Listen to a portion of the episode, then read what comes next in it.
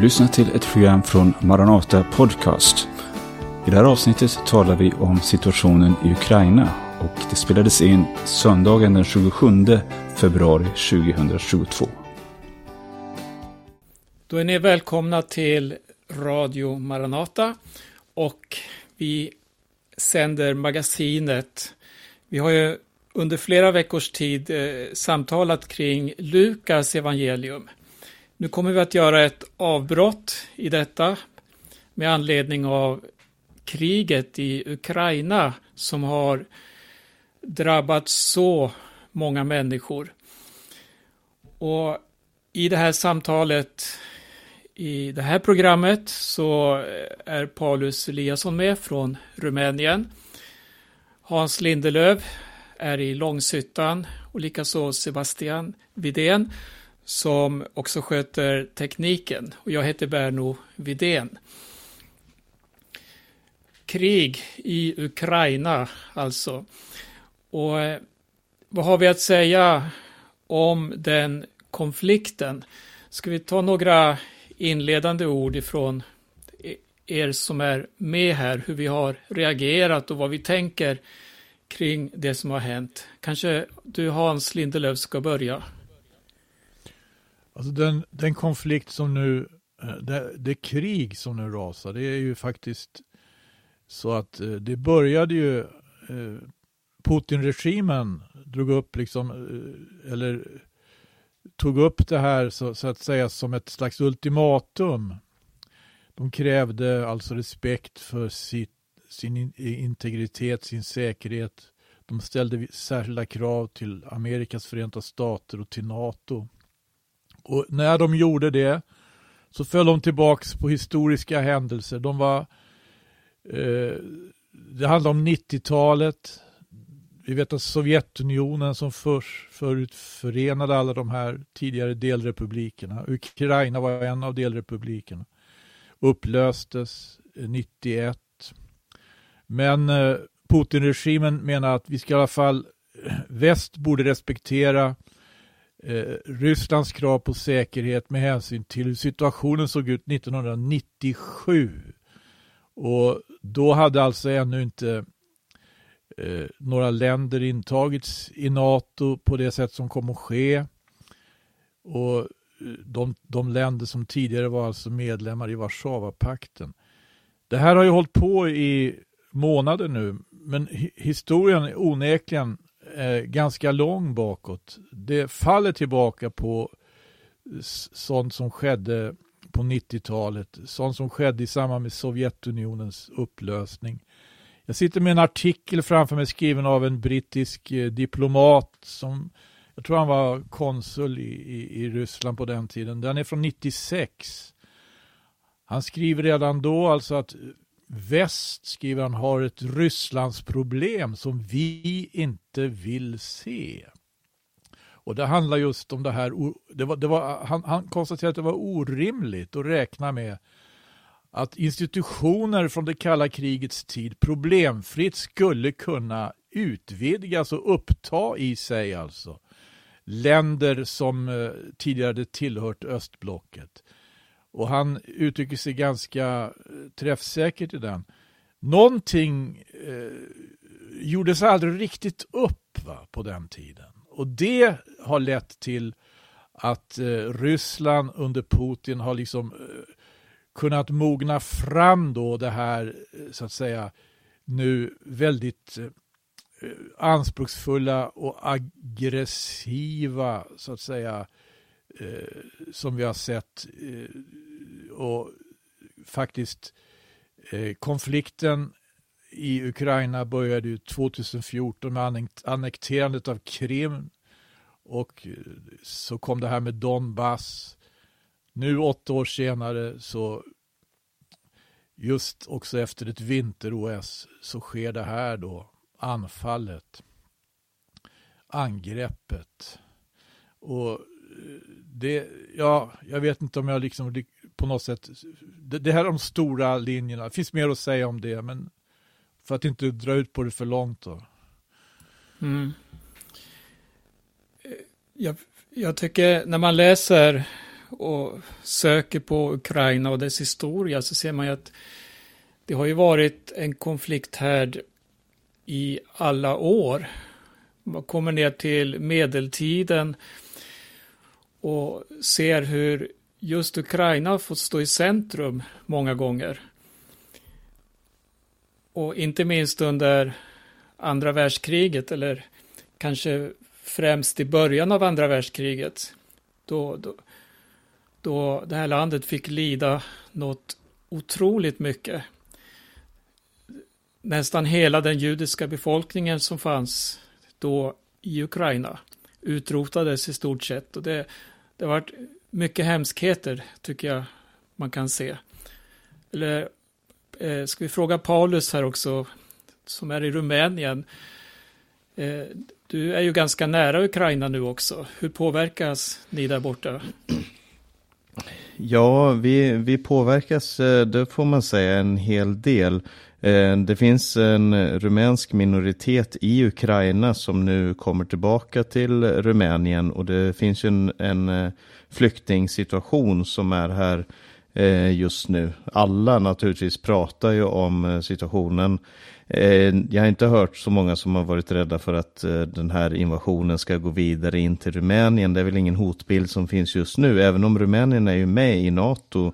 Och därför så har ju NATO eh, de har ju skickat många fler soldater och vapen och så och det är bland annat då genom Rumänien som det här har, har eh, förts och de har ju eh, ökat sin närvaro NATO i, i Rumänien. Så, och Rumänien har ju en ganska lång gräns mot, eh, mot Ukraina. Vi, vi befinner oss ju i den västra delen av Rumänien och har ungefär en ja, 25-30 mil norrut så, så ligger ukrainska gränsen. Och eh, det är väl inte framför allt där i vår del av landet som det kommer in mest, utan det sker i östra delen av landet. Eh, eh, mot gränsen, gränsen mot Moldavien där runt Treriksröset eller vad man ska kalla det mellan Ukraina, Moldavien och, och Rumänien. Där är det väldigt många, det är tusentals eh, som har kommit in där. Eh, men, men det finns en väldig offervilja bland rumäner, det finns en väldig solidaritet mot den ukrainska befolkningen som vi, som vi upplever här. Eh, de, all, alla vill vara med, alla vill hjälpa till. Alla, och det, det är en, en krissituation. Jag vet inte om jag ska berätta lite om våra planer för det här, men, men det är i alla fall situationen som, som den ser ut i Rumänien eh, just nu. Mm. Eh en fråga som jag ställer mig i alla fall, det, det, det är det här äh, att det, det, går så fort allting nu. Och det, det är som att det finns ingen sans, det finns ingen vad ska man säga, mänsklighet, utan det, det är som att stormakten Ryssland nu bara brakar in med, med all makt, med vapen och ska lägga Ukraina under sig. Och förutom det här som är nämnt här och det historiska, vad finns det för intressen som gör att att Ryssland drar fram på det här sättet. Man har ju hela världssamfundet emot sig. Det, det, är få länder som har uttalat sitt stöd för Ryssland. Eh, Sebastian, har du någon kommentar kanske? Ja, jag har inte någon direkt svar på din fråga där. Jag tror inte någon som riktigt förstår sig på vad som ligger till, alltså vad som är bakomliggande orsaken. Det finns ju mycket som presenteras. Jag minns Putin hade ju ett långt, ja, en lång predikan höll jag på att säga, några dagar innan. I samband med att han erkände Donetsk och Luhansk. Och det var ju... Jag, jag är egentligen alldeles för lite insatt i den här historien för att kunna säga vare sig vad som är sant och så. Men han har, som jag förstår i alla fall, en väldigt annorlunda världsbild än vad vi, i alla fall vi i Sverige har, om historien. Och eh, jag förstår inte, jag förstår inte varför han har gjort som han har gjort nu. Eh, ja, det är väl allt jag kan säga. Det, Det finns väl, det finns väl, det diskuteras ju ganska mycket om, om kring det här att eh, han önskar kontroll över Ukraina och, och fruktar att en mer västligt Ukraina kommer utgöra, kommer utgöra ett hot mot regimen i Ryssland. Ända sedan Majdan-revolutionen när den ryskstödda presidenten Viktor Janukovic avgick så har ju det här varit en en, eh, ja, en, eh, en explosion, eller vi har liksom bara väntat på en, på en explosion och det skedde ju både 2014 och eh, det sker ju framförallt nu då.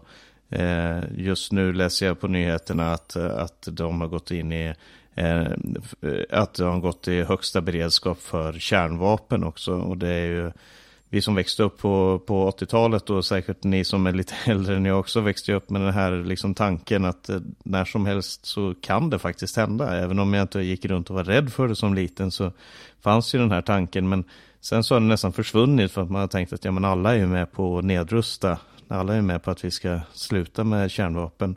Men eh, nu finns det en, en beredskap för det här eh, ifrån Rysslands sida och säkert från andra sidor också.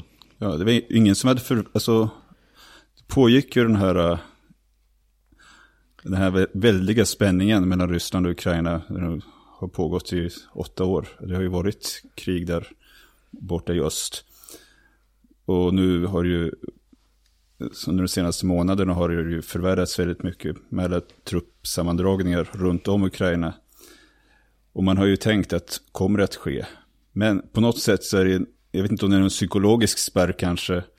Så, nej, det kan inte ske. Det kan inte ske. mm. Men ja.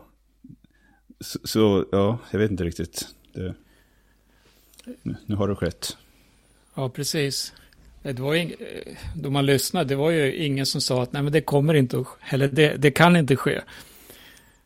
Eller, det var det man sa menar jag. Ja, ja precis. Att, att, att det kan inte ske. Och eh, ändå fanns ju hotet väldigt påtagligt. Mm. Men det fanns ju ingen logik eller sans utifrån vårt perspektiv då, att det skulle... Mm. Nej, exakt.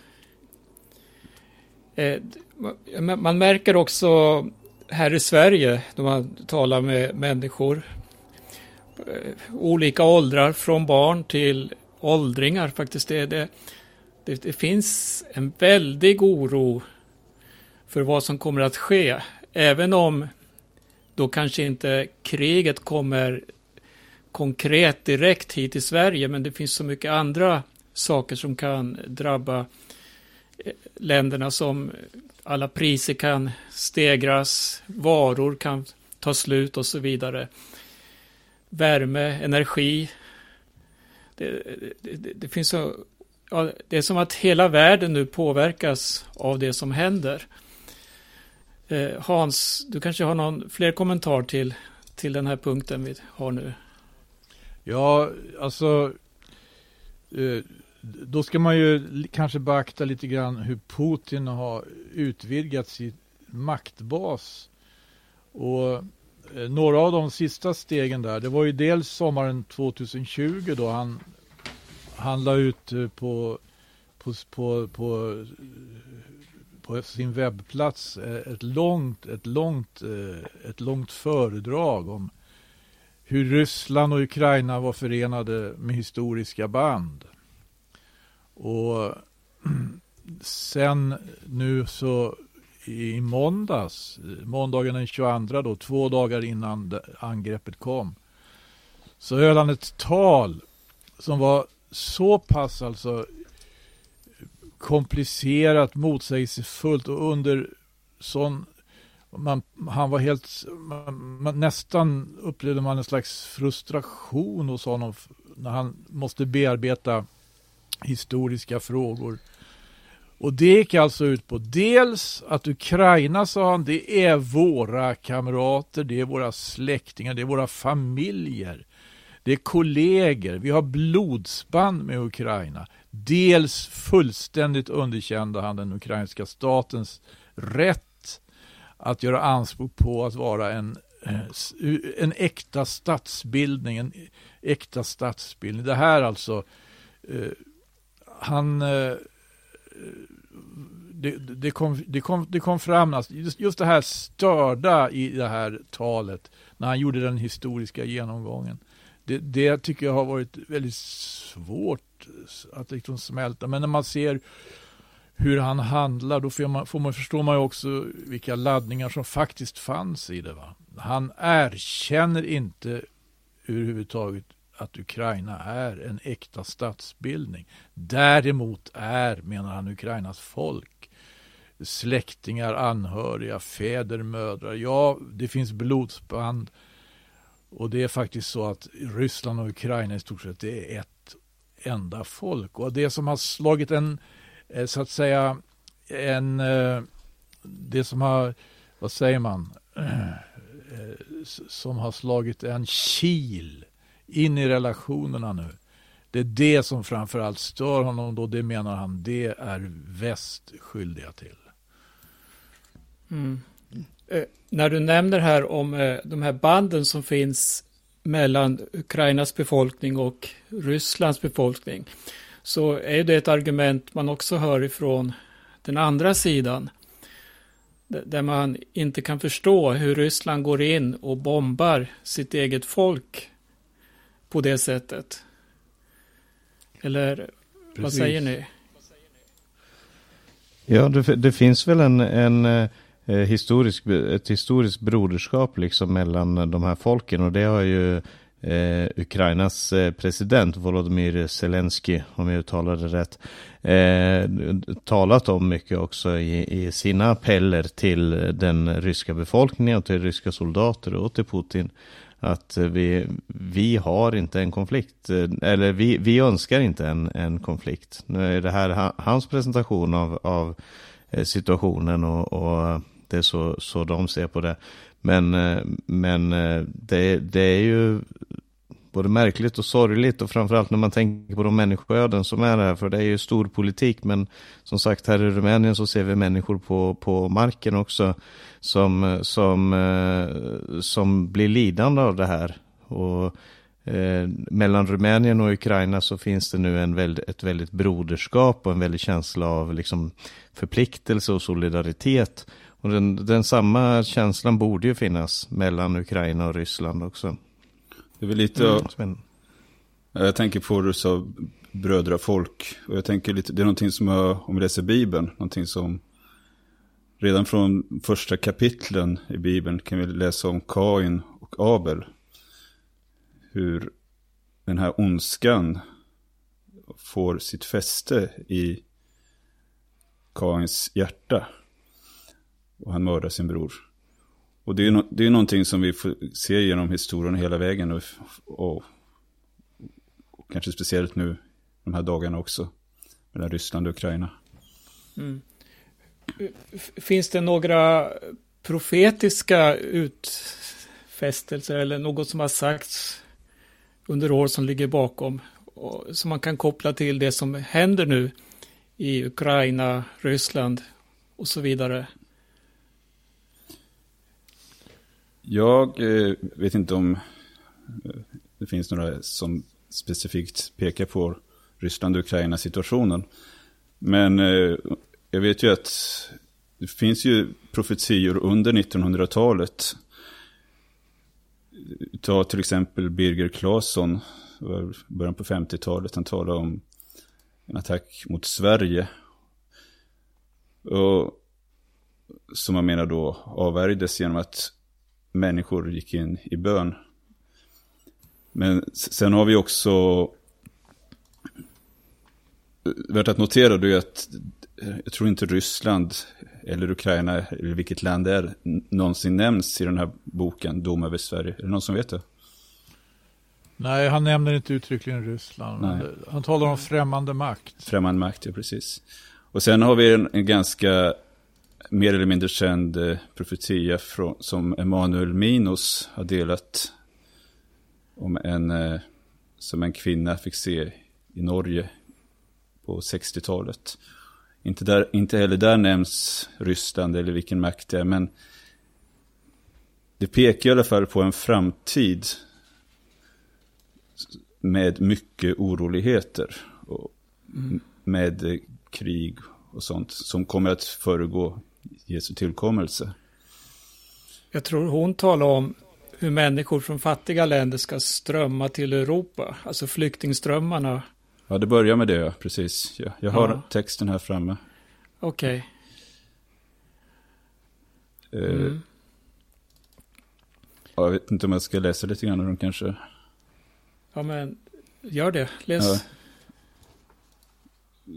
Eh, Den här kvinnan då fick se den här synen. Jag fick se världen som en karta som blev upprullad framför mig. Jag såg Europa, land efter land. Jag såg Skandinavien och jag såg Norge. Jag såg vissa saker som skulle ske strax innan Jesus kom tillbaka. Och strax innan den stora olyckan bryter lös över människorna. En olycka som vi aldrig tidigare har upplevt maken till.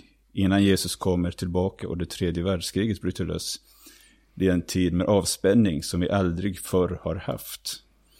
Det blir fred och freden kommer att vara länge. Under den tidsperioden blir det avrustning i många länder. Också i Norge, hon var norska då alltså. Det tredje världskriget kommer att starta på ett sätt som ingen hade väntat och från ett oväntat håll. Och vi var lika oförberedda som vi var den 9 april 1940. Mm. Det är alltså invasionen av Norge från Nazityskland. Ja, precis. 9 april precis. 1940. Mm. Li- Ja, lite... Precis. Ja, den här texten finns att läsa på internet. Om man... Mm. Eh, vi, vi behöver gå vidare här. Jag tänker på det här med när vi talar om broderskap och människoöden. Eh, jag vet att Hans, du har varit i Ukraina. Jag tror du Sebastian har varit där också. Jag vet Stämmer. inte Paulus, om du har varit där. Nej, jag har inte varit där, men jag har varit väldigt nära. Ja, det, det räcker inte. Nej. Eh, vi har ju många kontakter i Ukraina, vilket gör att man ja, kanske känner att det här kommer extra nära. För det är vänner som vi känner som också har besökt oss här i Sverige.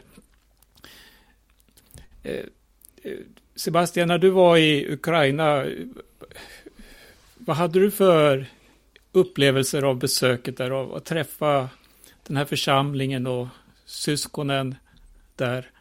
Alltså det var ju väldigt upplyftande att då få träffa syskonen där. Eh, visade oss runt i Kiev, som huvudstaden heter, huvudstaden heter alltså. Ja, Eh, församlingen har ju, den, den fanns, finns fortfarande i Irpen, Irpin, jag vet inte hur man uttalar det. Hans, du får hjälpa mig med det sen. Eh, som, liksom är som, ja, som förort till eh, Kiev, eh, strax nord, eh, nordväst om huvudstaden. Så vi fick ju åka runt och titta lite grann då i stan och fick se alla dessa his... Det finns ju väldigt mycket historia från Mm. ja, ända bak till andra världskriget. Och det var ju väldigt intressant att se. Men det var ju en modern stad, väldigt eh, mycket folk. Och det känns ju nästan overkligt nu efteråt när man har fått se videoklipp på platser som man har besökt som nu är helt förstörda. Broar som man har kört över som nu är söndersprängda och så vidare. Så, ja, det, mm. vad, vad vet vi om våra vänner där borta idag? Hans, du kanske har, har, du, du har haft kontakt med Vasili som är pastor där i församlingen. Ja, vi kom ju dit på 90-talet. Jag och Folke gjorde ett första besök just i den församlingen. Men vi hade ju blivit inbjudna dit två gånger. Tidigt på 90-talet. Redan innan Sovjet upplöstes faktiskt. Då fick vi en inbjudan till Irpen. Det fanns en underjordisk pingstförsamling där. Oregistrerad pingstförsamling. Och sen kom vi inte dit förrän flera år senare och sen hade vi annat då som upptog oss. Så att jag bara, vi har haft nu rätt så regelbundna kontakter sedan tio år tillbaks. Och det är flera av oss som har varit där och som har alltså som korresponderar och vi har sociala medier som vi korresponderar över. Och det har ju varit lugnt för det mesta, en lugn plats det där. Irpen i Kiev, i Kievområdet. Men nu så får vi bilder och vi får klipp, videoklipp skickade till oss. Och faktiskt, det, det är skakande. Jag tror inte någon av oss som inte är skakande. För vi, vi ser också att just den här trakten ligger inte långt ifrån Gostomel, flygplatsen. Det står en strid där. Det är en av de platser som lyfts fram i världsmedia. Som en, som en verkligt alltså het eh, plats i det pågående kriget.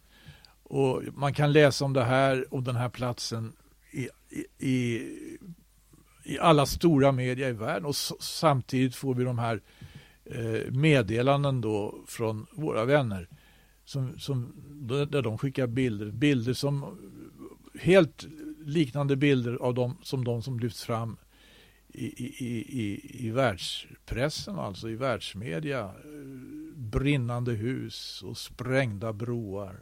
Det, det, det, det, det så att säga kommer så nära och det, det är svårt att riktigt omfatta. Mm. Jag vet att flera av våra vänner då som, som varit med på resor dit har ju kontakt med också vänner därifrån. Och de berättar ju sina hemska erfarenheter, hur man gömmer sig, hur rädd man är. Man sitter i källare eller skyddsrum och hör bomberna explodera precis utanför och stridsvagnarna som drar förbi. Eh, Sebastian, du, du, vad säger du? Du har träffat flera också av de vännerna som vi talar om här. Ja, de har ju varit på besök hos oss också medan vi hade kvar Bällsta i Stockholm.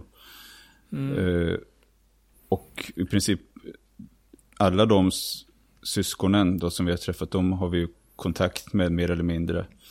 Och en del är kvar i Irpen, eh, gömmer sig i källare typ hela dagarna. Eller så fort de hör flyglarmet och bomberna smäller i alla fall.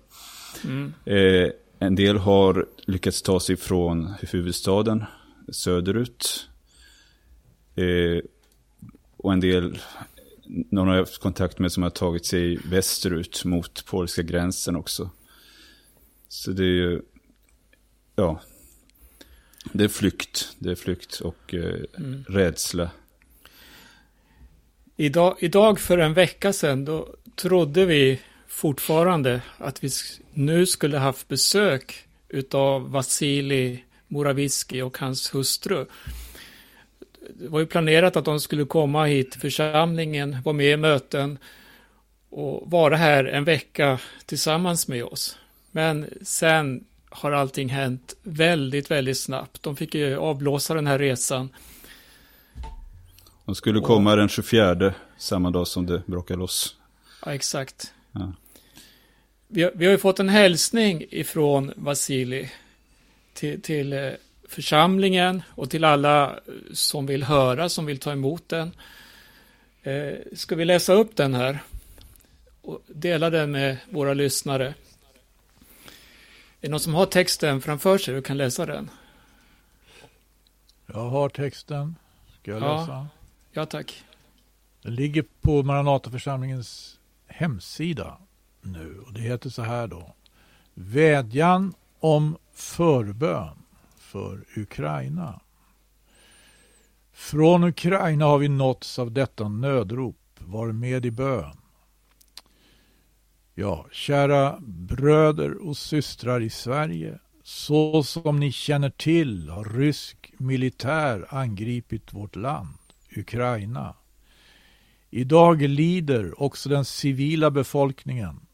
Projektiler slår ner i bostadshus, köpcentra, vägar och broar brinner och ödeläggs. Och framförallt så dör människor såväl ukrainare som ryssar.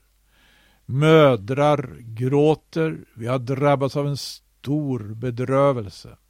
Vårt folk gömmer sig i källare och skyddsrum. En del flyr till andra städer och länder. Med ett ord råder olycka och bedrövelse. Jag ber uppriktigt om att var och en av er ropar till Herren att Gud ska stoppa kriget. Han förmår allt och är mäktig att göra detta.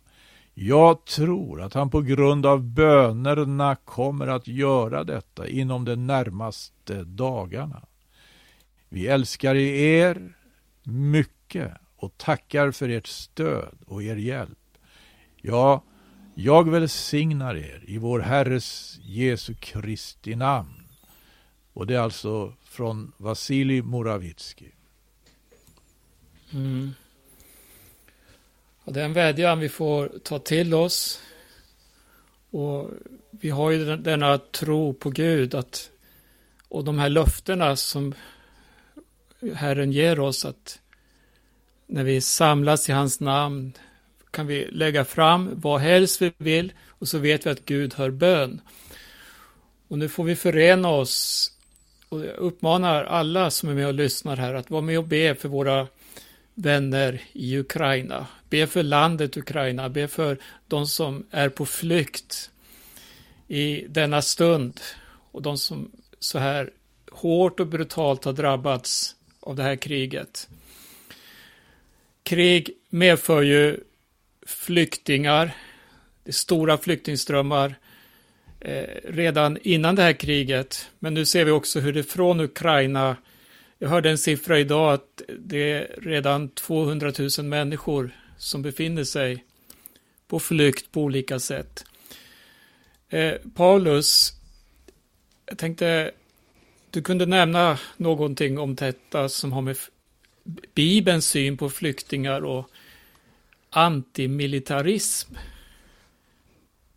Ja, ja precis för att eh, dels så finns det i, i Bibeln en, en, undervisning som handlar just om det här med attityden mot flyktingar, främlingar, invandrare, människor som av en eller annan, av en eller annan anledning måste eh, Eh, komma bort ifrån det land där de eh, befinner sig.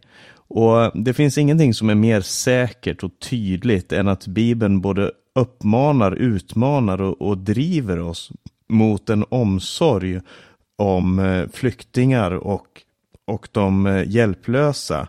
Det finns det som brukar kallas för den utsatta treenigheten eh, som Bibeln nämner väldigt, väldigt många gånger och det är, det är främlingen, den faderlösa och änkan. Eh, bland annat i tredje Mosebok kapitel 19 så står det så här eh, Främlingen som bor ibland er ska räknas som infödd hos er. Du ska älska honom som dig själv. Eh, ni har ju själva varit främlingar i Egyptens land. Jag är Herren, er Gud. Och eh, det, det är ju speciellt eh, att det finns någonting i, i israelitens väsen som, som manar honom till kärlek till flyktingen. Eh, det, någonting som ligger liksom nedlagt i honom, just det här att eh, Guds folk själva var, var slavar, var flyktingar, befann sig i ett land där de, där de blev behandlade så fruktansvärt illa. Och Gud kallar dem inte till hämnd, utan Gud kallar dem till omtanke om flyktingen. Och ehm, det här, det här är om, om jag ska ta ett aktuellt exempel då, situationen i Rumänien. Som sagt, det finns väldigt mycket solidaritet med det ukrainska folket här. I, imorgon, så, vi har redan fått in en hel del pengar och imorgon så har vi tänkt åka upp till en stad som heter eh, Sigeto Marmatsiej som ligger precis vid ukrainska gränsen och där har det har ju fått kontakt med någon som säger att de behöver allt av kläder, mat, hygienartiklar och vi försöker komma på vad, vad flyktingar kan behöva ha. Och så har vi fått in pengar som vi, så, så vi ska ut och handla imorgon och så åker vi direkt upp dit. Och när jag säger imorgon, det här, eh, vi spelar in det här den 27 februari. Eh, saker och ting kan ha förändrat sig innan det här sänds imorgon. Men när det här sänds, om allt går efter planen, så, så ska, ska jag och frun och en till vara på väg. Ska vi vara där. vid gränsen för att dela ut de här sakerna. Och som sagt, det finns en väldig solidaritet då ibland eh, rumänerna just nu. Någonting helt annat än det som hände under eh, flyktingkrisen här för några år sedan. För den, den gick ju också här i området, Rumänien, Eh, de, eh, alltså Balkan området eh, som, som, där det kom otroligt många flyktingar. Då gick poliserna runt från hus till hus i området och sa till folk att man får absolut inte gömma några flyktingar, får inte ta emot några flyktingar. Om ni ser någon som, som ser ut som de är från Syrien eller Afghanistan och så, så, så ska ni anmäla det här och vi ska se till att få dem bort härifrån för de har absolut ingenting här att göra. Eh, så den här solidariteten, jag, jag, vill verkligen berömma Rumänien för solidariteten som de upplever mot Ukraina. Men, men eh, eh, den, den är nog ganska mycket baserad på stamtillhörighet, på känslor och så vidare. För den, den yttrade sig överhuvudtaget inte när vi pratade om, om de afghanska flyktingarna, utan det var bara parasiter och vad det skulle vara när man pratar med gängse rumän. Eh, men i Bibeln så finns det inte någon du ska hjälpa norrmän, du ska hjälpa den, den som kommer därifrån eller därifrån. Eh, Jonas bok tar ju den värsta fienden som exempel, säger Nineviten. Honom ska du gå till och förkunna, förkunna eh, Guds, eh, Guds dom för att de ska kunna omvända sig. Eh, så, så det är någonting som är ganska tydligt i Bibeln. Och sen så är det ju en annan sak som vi i Maranata har, har stått i bräschen för på många sätt eh, under den tid som Maranata har, har funnits. Och det är det här med pacifism och antimilitarism.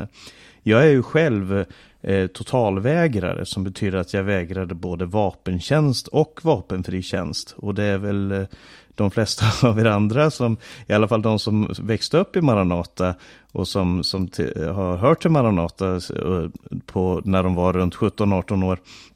Eh, där tror jag att de flesta av oss har, har vägrat både bära vapen och göra vapenfri tjänst. Och det är både svårt och lätt att argumentera för pacifism och, och eh, antimilitarism i, i de här krigstiderna. För att å ena sidan så, eh, så när man läser om vilka hjälteinsatser som ukrainsk militär utför och, och hur, hur eh, Zelensky uppträder i gatorna med vapen i hand och så, så, så väcks det en slags jag vet inte om man ska kalla det patriotism eller nationalism, för vi har ju inte ukrainer, men, men man får, får en väldig sympati för de här människorna som gör hjälteinsatser och så vidare. Eh, å andra sidan så, så är ju krig just den tiden då man verkligen tänker att vi behöver eh, vi behöver tänka annorlunda. Det, det är någonting så sjukt eh, med krig som, som uppenbaras i, i hur människor lider, hur människor, alltså det finns ingenting som kan motivera, ingen Eh, politisk önskan om att NATO inte ska tränga in i eh, österut och ingen eh, eh retorik om inte en tum österut som det blev sagt på 90-talet. Den där, ingenting kan motivera att barn eh, blir mördade av bomber, fallande bomber. Det, det går inte.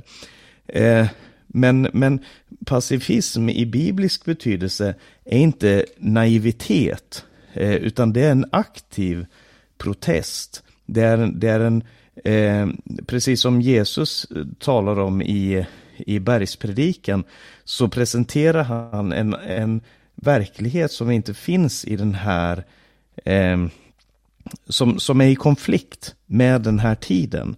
Och pacifism i biblisk betydelse är inte, en, är inte naivt och det är heller inte bara en, en utopi utan det är en aktiv protest mot det systemet som man ser.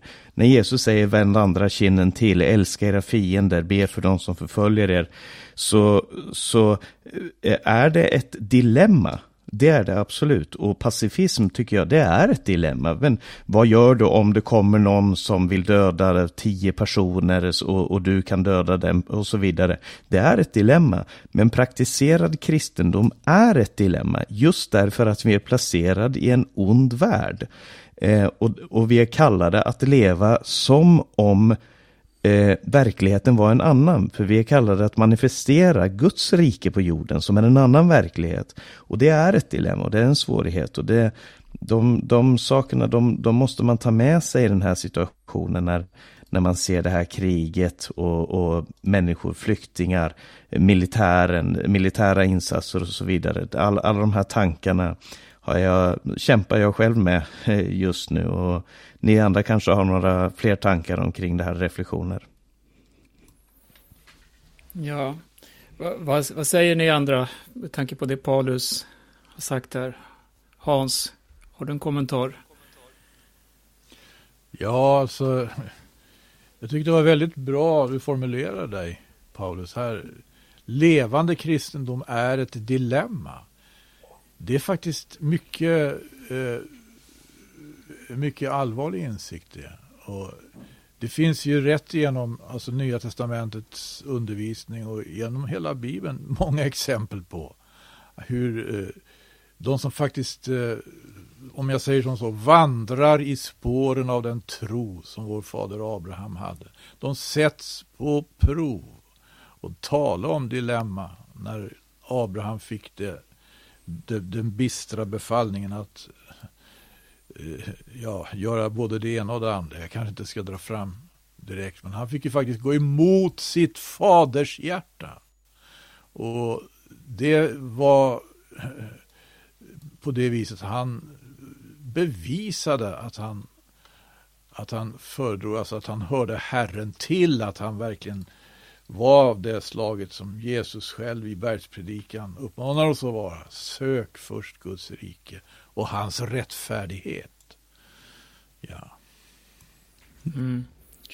Sebastian, eh, du, du växte ju upp under en tid när det inte var allmän värnplikt.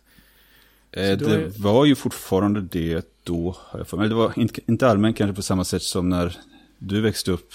Nej, men jag, jag, fick en kallelse till mönstring, men eh, det räckte med att jag skrev ett brev till dem och artigt men bestämt eh, hävdade att jag inte kunde gå med på det. Så fick jag, ja, de hörde av sig och sa att det, det frisedel då, eller vad det kallas. Ja. Okej, okay, hur motiverar du det då? Ja, det kommer jag inte ihåg, det var väldigt länge sedan. jag är inte så ung nu längre, vet du. Nej, nej. Men, men annars, annars tycker jag det här... Jag kommer ihåg det där väldigt väl. annars kommer jag ihåg det här... Eh, alltså, det är ju på ett sätt ett dilemma, som ni säger. Men samtidigt, för min del, eh, jag tänker på Jesus, hur, hur han kom hit till en värld som på alla sätt var fientligt inställd till honom. Och hur han utgav sitt liv. Han tog inte upp svärdet mot världen då. Han utgav sitt liv. Han blev en tjänare. Och då tänker jag också på, jag menar om vi hamnar i en situation. Jag kan aldrig lyfta ett vapen, skulle aldrig kunna lyfta ett vapen mot min värsta fiende. Eh, därför att Jesus har sagt att vi ska be för de som förföljer er. Vi ska älska mm. våra fiender. Det är sant. Och, och jag, men tänkte jag på det här, jag tror det var du som sa det Paulus, i samband, jag vet inte om du nämnde det nu också. När du blev kallad så hade de nämnt att du, eh, ja, du kanske får hjälpa till och ta hand om gamla och sjuka. Ja. Och så sa de någonting att det är skillnad på medborgerliga medborgerliga plikter och medmänskliga.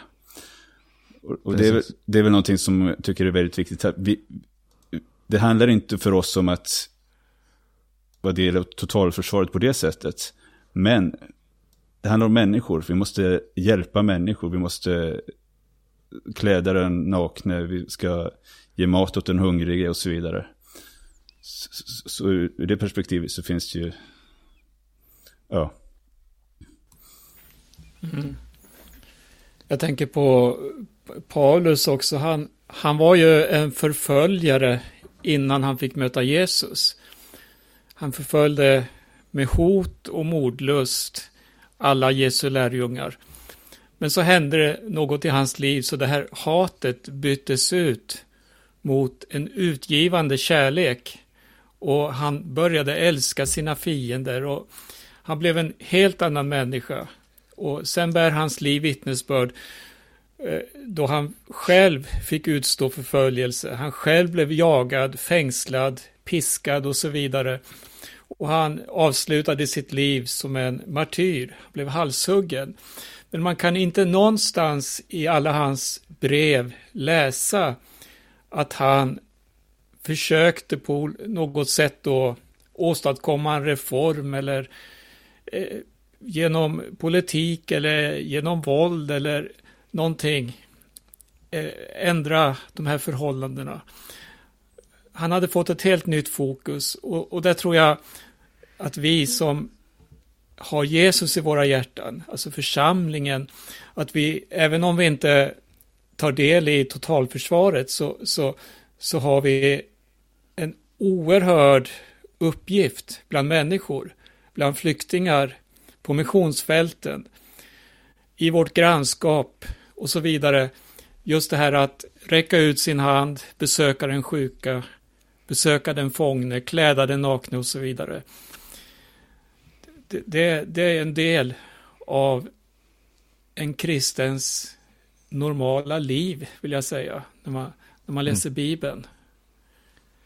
Det, det, finns mycket, det finns eh, väldigt få saker, eller jag hoppas inga saker som skulle kunna få mig att, att döda en annan människa, varken i, i krig eller i en annan situation.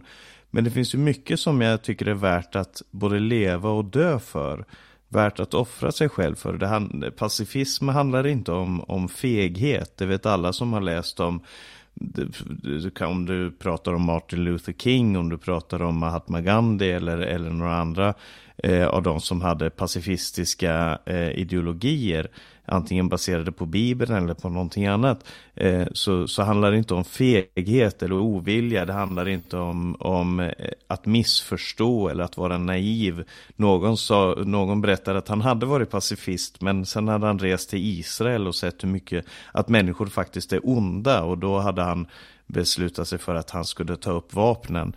Och det, det är väldigt märklig syn. Alltså, det, fin, det finns ingenting Eh, min pacifism grundar sig inte på att jag tror att människor är goda. Det, det lär mig Bibeln någonting helt annat om.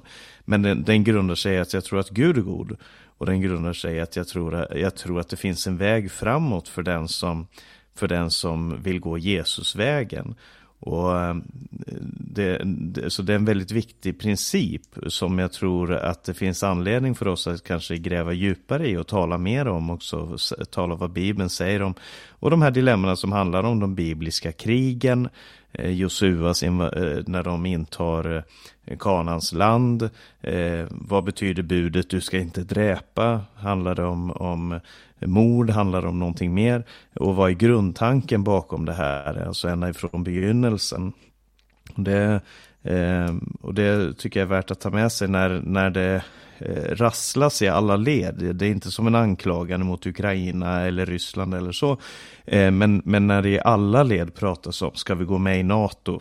Ska vi rusta upp försvaret? Ska vi, nu ska vi ha, eh, nu ska trupper flyttas till Gotland, nu ska trupper flyttas till dit och dit och vi ska öka beredskapen och så vidare.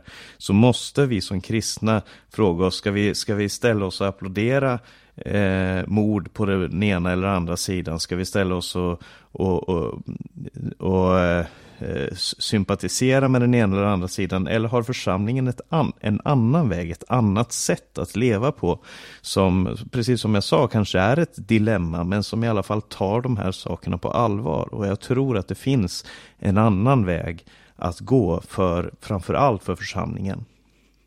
Mm. Och här, då handlar det väl om evangeliets kraft att förvandla en människa. Mm. Det, det, det, är faktiskt så att vi tror på en levande Gud som ger ett nytt liv och som har ett verkligt framtidshopp att erbjuda människor. Och det har vi också genom att presentera evangelium. Utan Jesus finns det inget fridsrike. Det är sanningen.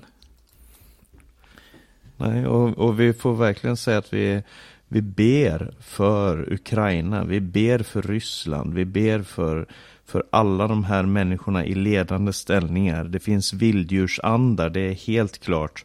Men det finns också en gud som för kungars hjärtan som vattenbäckar. Och vi, vi lägger verkligen fram och ber för de, de här människorna som, som styr Ryssland, Ukraina, gränsande länder, USA och, och allt det här. Det, det är en, en kamp att gå in i, att be för människor och sen gå ut och hjälpa människor.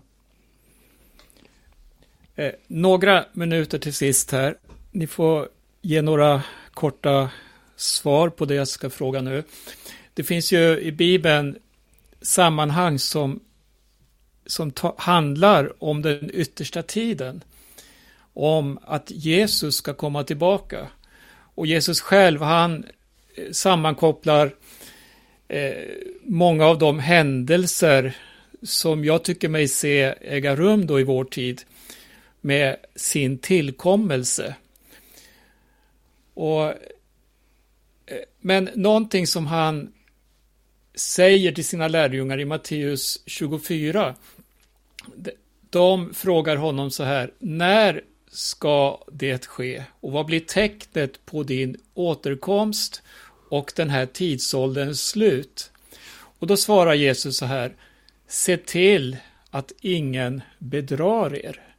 Och sen lägger han ut eh, texten lite mera då. Men just det här, se till att ingen bedrar er. Och då frågar jag mig, vad, vad, vad finns det för något som kan bedra oss i den här tiden? Kan vi sammankoppla händelserna idag, som vi ser då i Ukraina och Ryssland, som tidstecken? Att Jesus kommer? Eller vad, vad, vad ska vi göra för att inte bli bedragna? Hans? Oj, ska jag svara på det? Jag är redan förförd av Ryssland sedan många... Ja. Sen, sen bara, 40 bara år kort, tillbaka. Bara en kort kommentar på just tidstecknen och Jesu tillkommelse. Ja, men det här som du nu påminde om, det eh, aposteln Paulus uttrycker sig på ett helt överensstämmande vis då han adresserar Thessalonikerna i det andra Thessalonikerbrevets andra kapitel. Han skriver ju där, när det handlar om vår Herres Jesu tillkommelse och hur vi ska församlas till honom. Så ber vi er, kära bröder, att, ja, hur han uttrycker det, jag ska se att jag inte kommer fel här. Så ber vi, kära, att ni vare sig genom någon andeingivelse eller på grund av något ord eller något brev som förmenas komma från oss och hastigt låter er bringas ur fatt njutningen och förlora besinningen som om Herrens dag redan stod för dörren. Det handlar ju om ett ord eller ett brev som skulle kunna vara vilseledande. Och det är väl faktiskt ett gott råd att alltid eh, undersöka källan.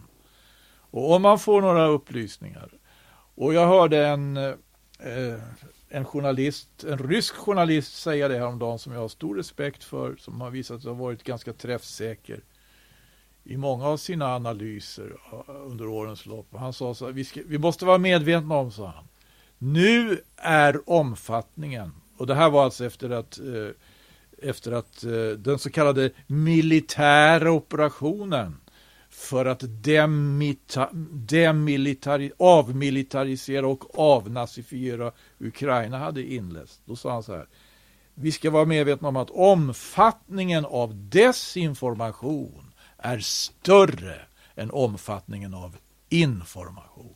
Jag tyckte mm. faktiskt det var värt att lyfta fram här då jag fick den här frågan. Ja. ja. Paulus, du har en minut också.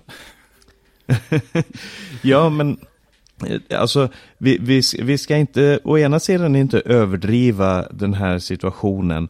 Eh, så som den ser ut idag så har vi varit, bara på 1900-talet så har det i alla fall varit minst två krig som har varit betydligt värre än det vi har sett än så länge. Eh, så man kan inte säga, på grund av det som sker i Ukraina så vet vi att eh, det, här, det är det här profetiska skeendet och, och nu betyder det här att Jesus kommer tillbaka just på den här situationen och så vidare. Men Eh, det, det det handlar om är att när Jesus säger när allt detta sker så ska ni lyfta upp era ögon. Allt detta som sker är bara begynnelsen på födslovåndorna. Eh, och, och, i betydelsen eh, att när, när saker och ting sker i den här världen så ska vi inte förlora besinningen utan då, då lyfter vi upp vår blick. Då, är, då har vi vårt hopp Eh, till Gud i, i annalkande. Och om Jesus kommer idag eller om ett år eller senare, det, det eh, är inte det absolut mest centrala, för det, den dagen ligger i Herrens händer. Men vi som församling, som troende, har, har en uppgift att vara vaksamma inför det som sker i världen och eh, eh, vara redo inför Jesu tillkommelse. Amen. Ja, att leva i tillkommelsen kan man säga, för det, det är någonting mm. som genomsyrar hela skriften faktiskt, det här att Herren ska komma. Sebastian, du får några ord till sist här.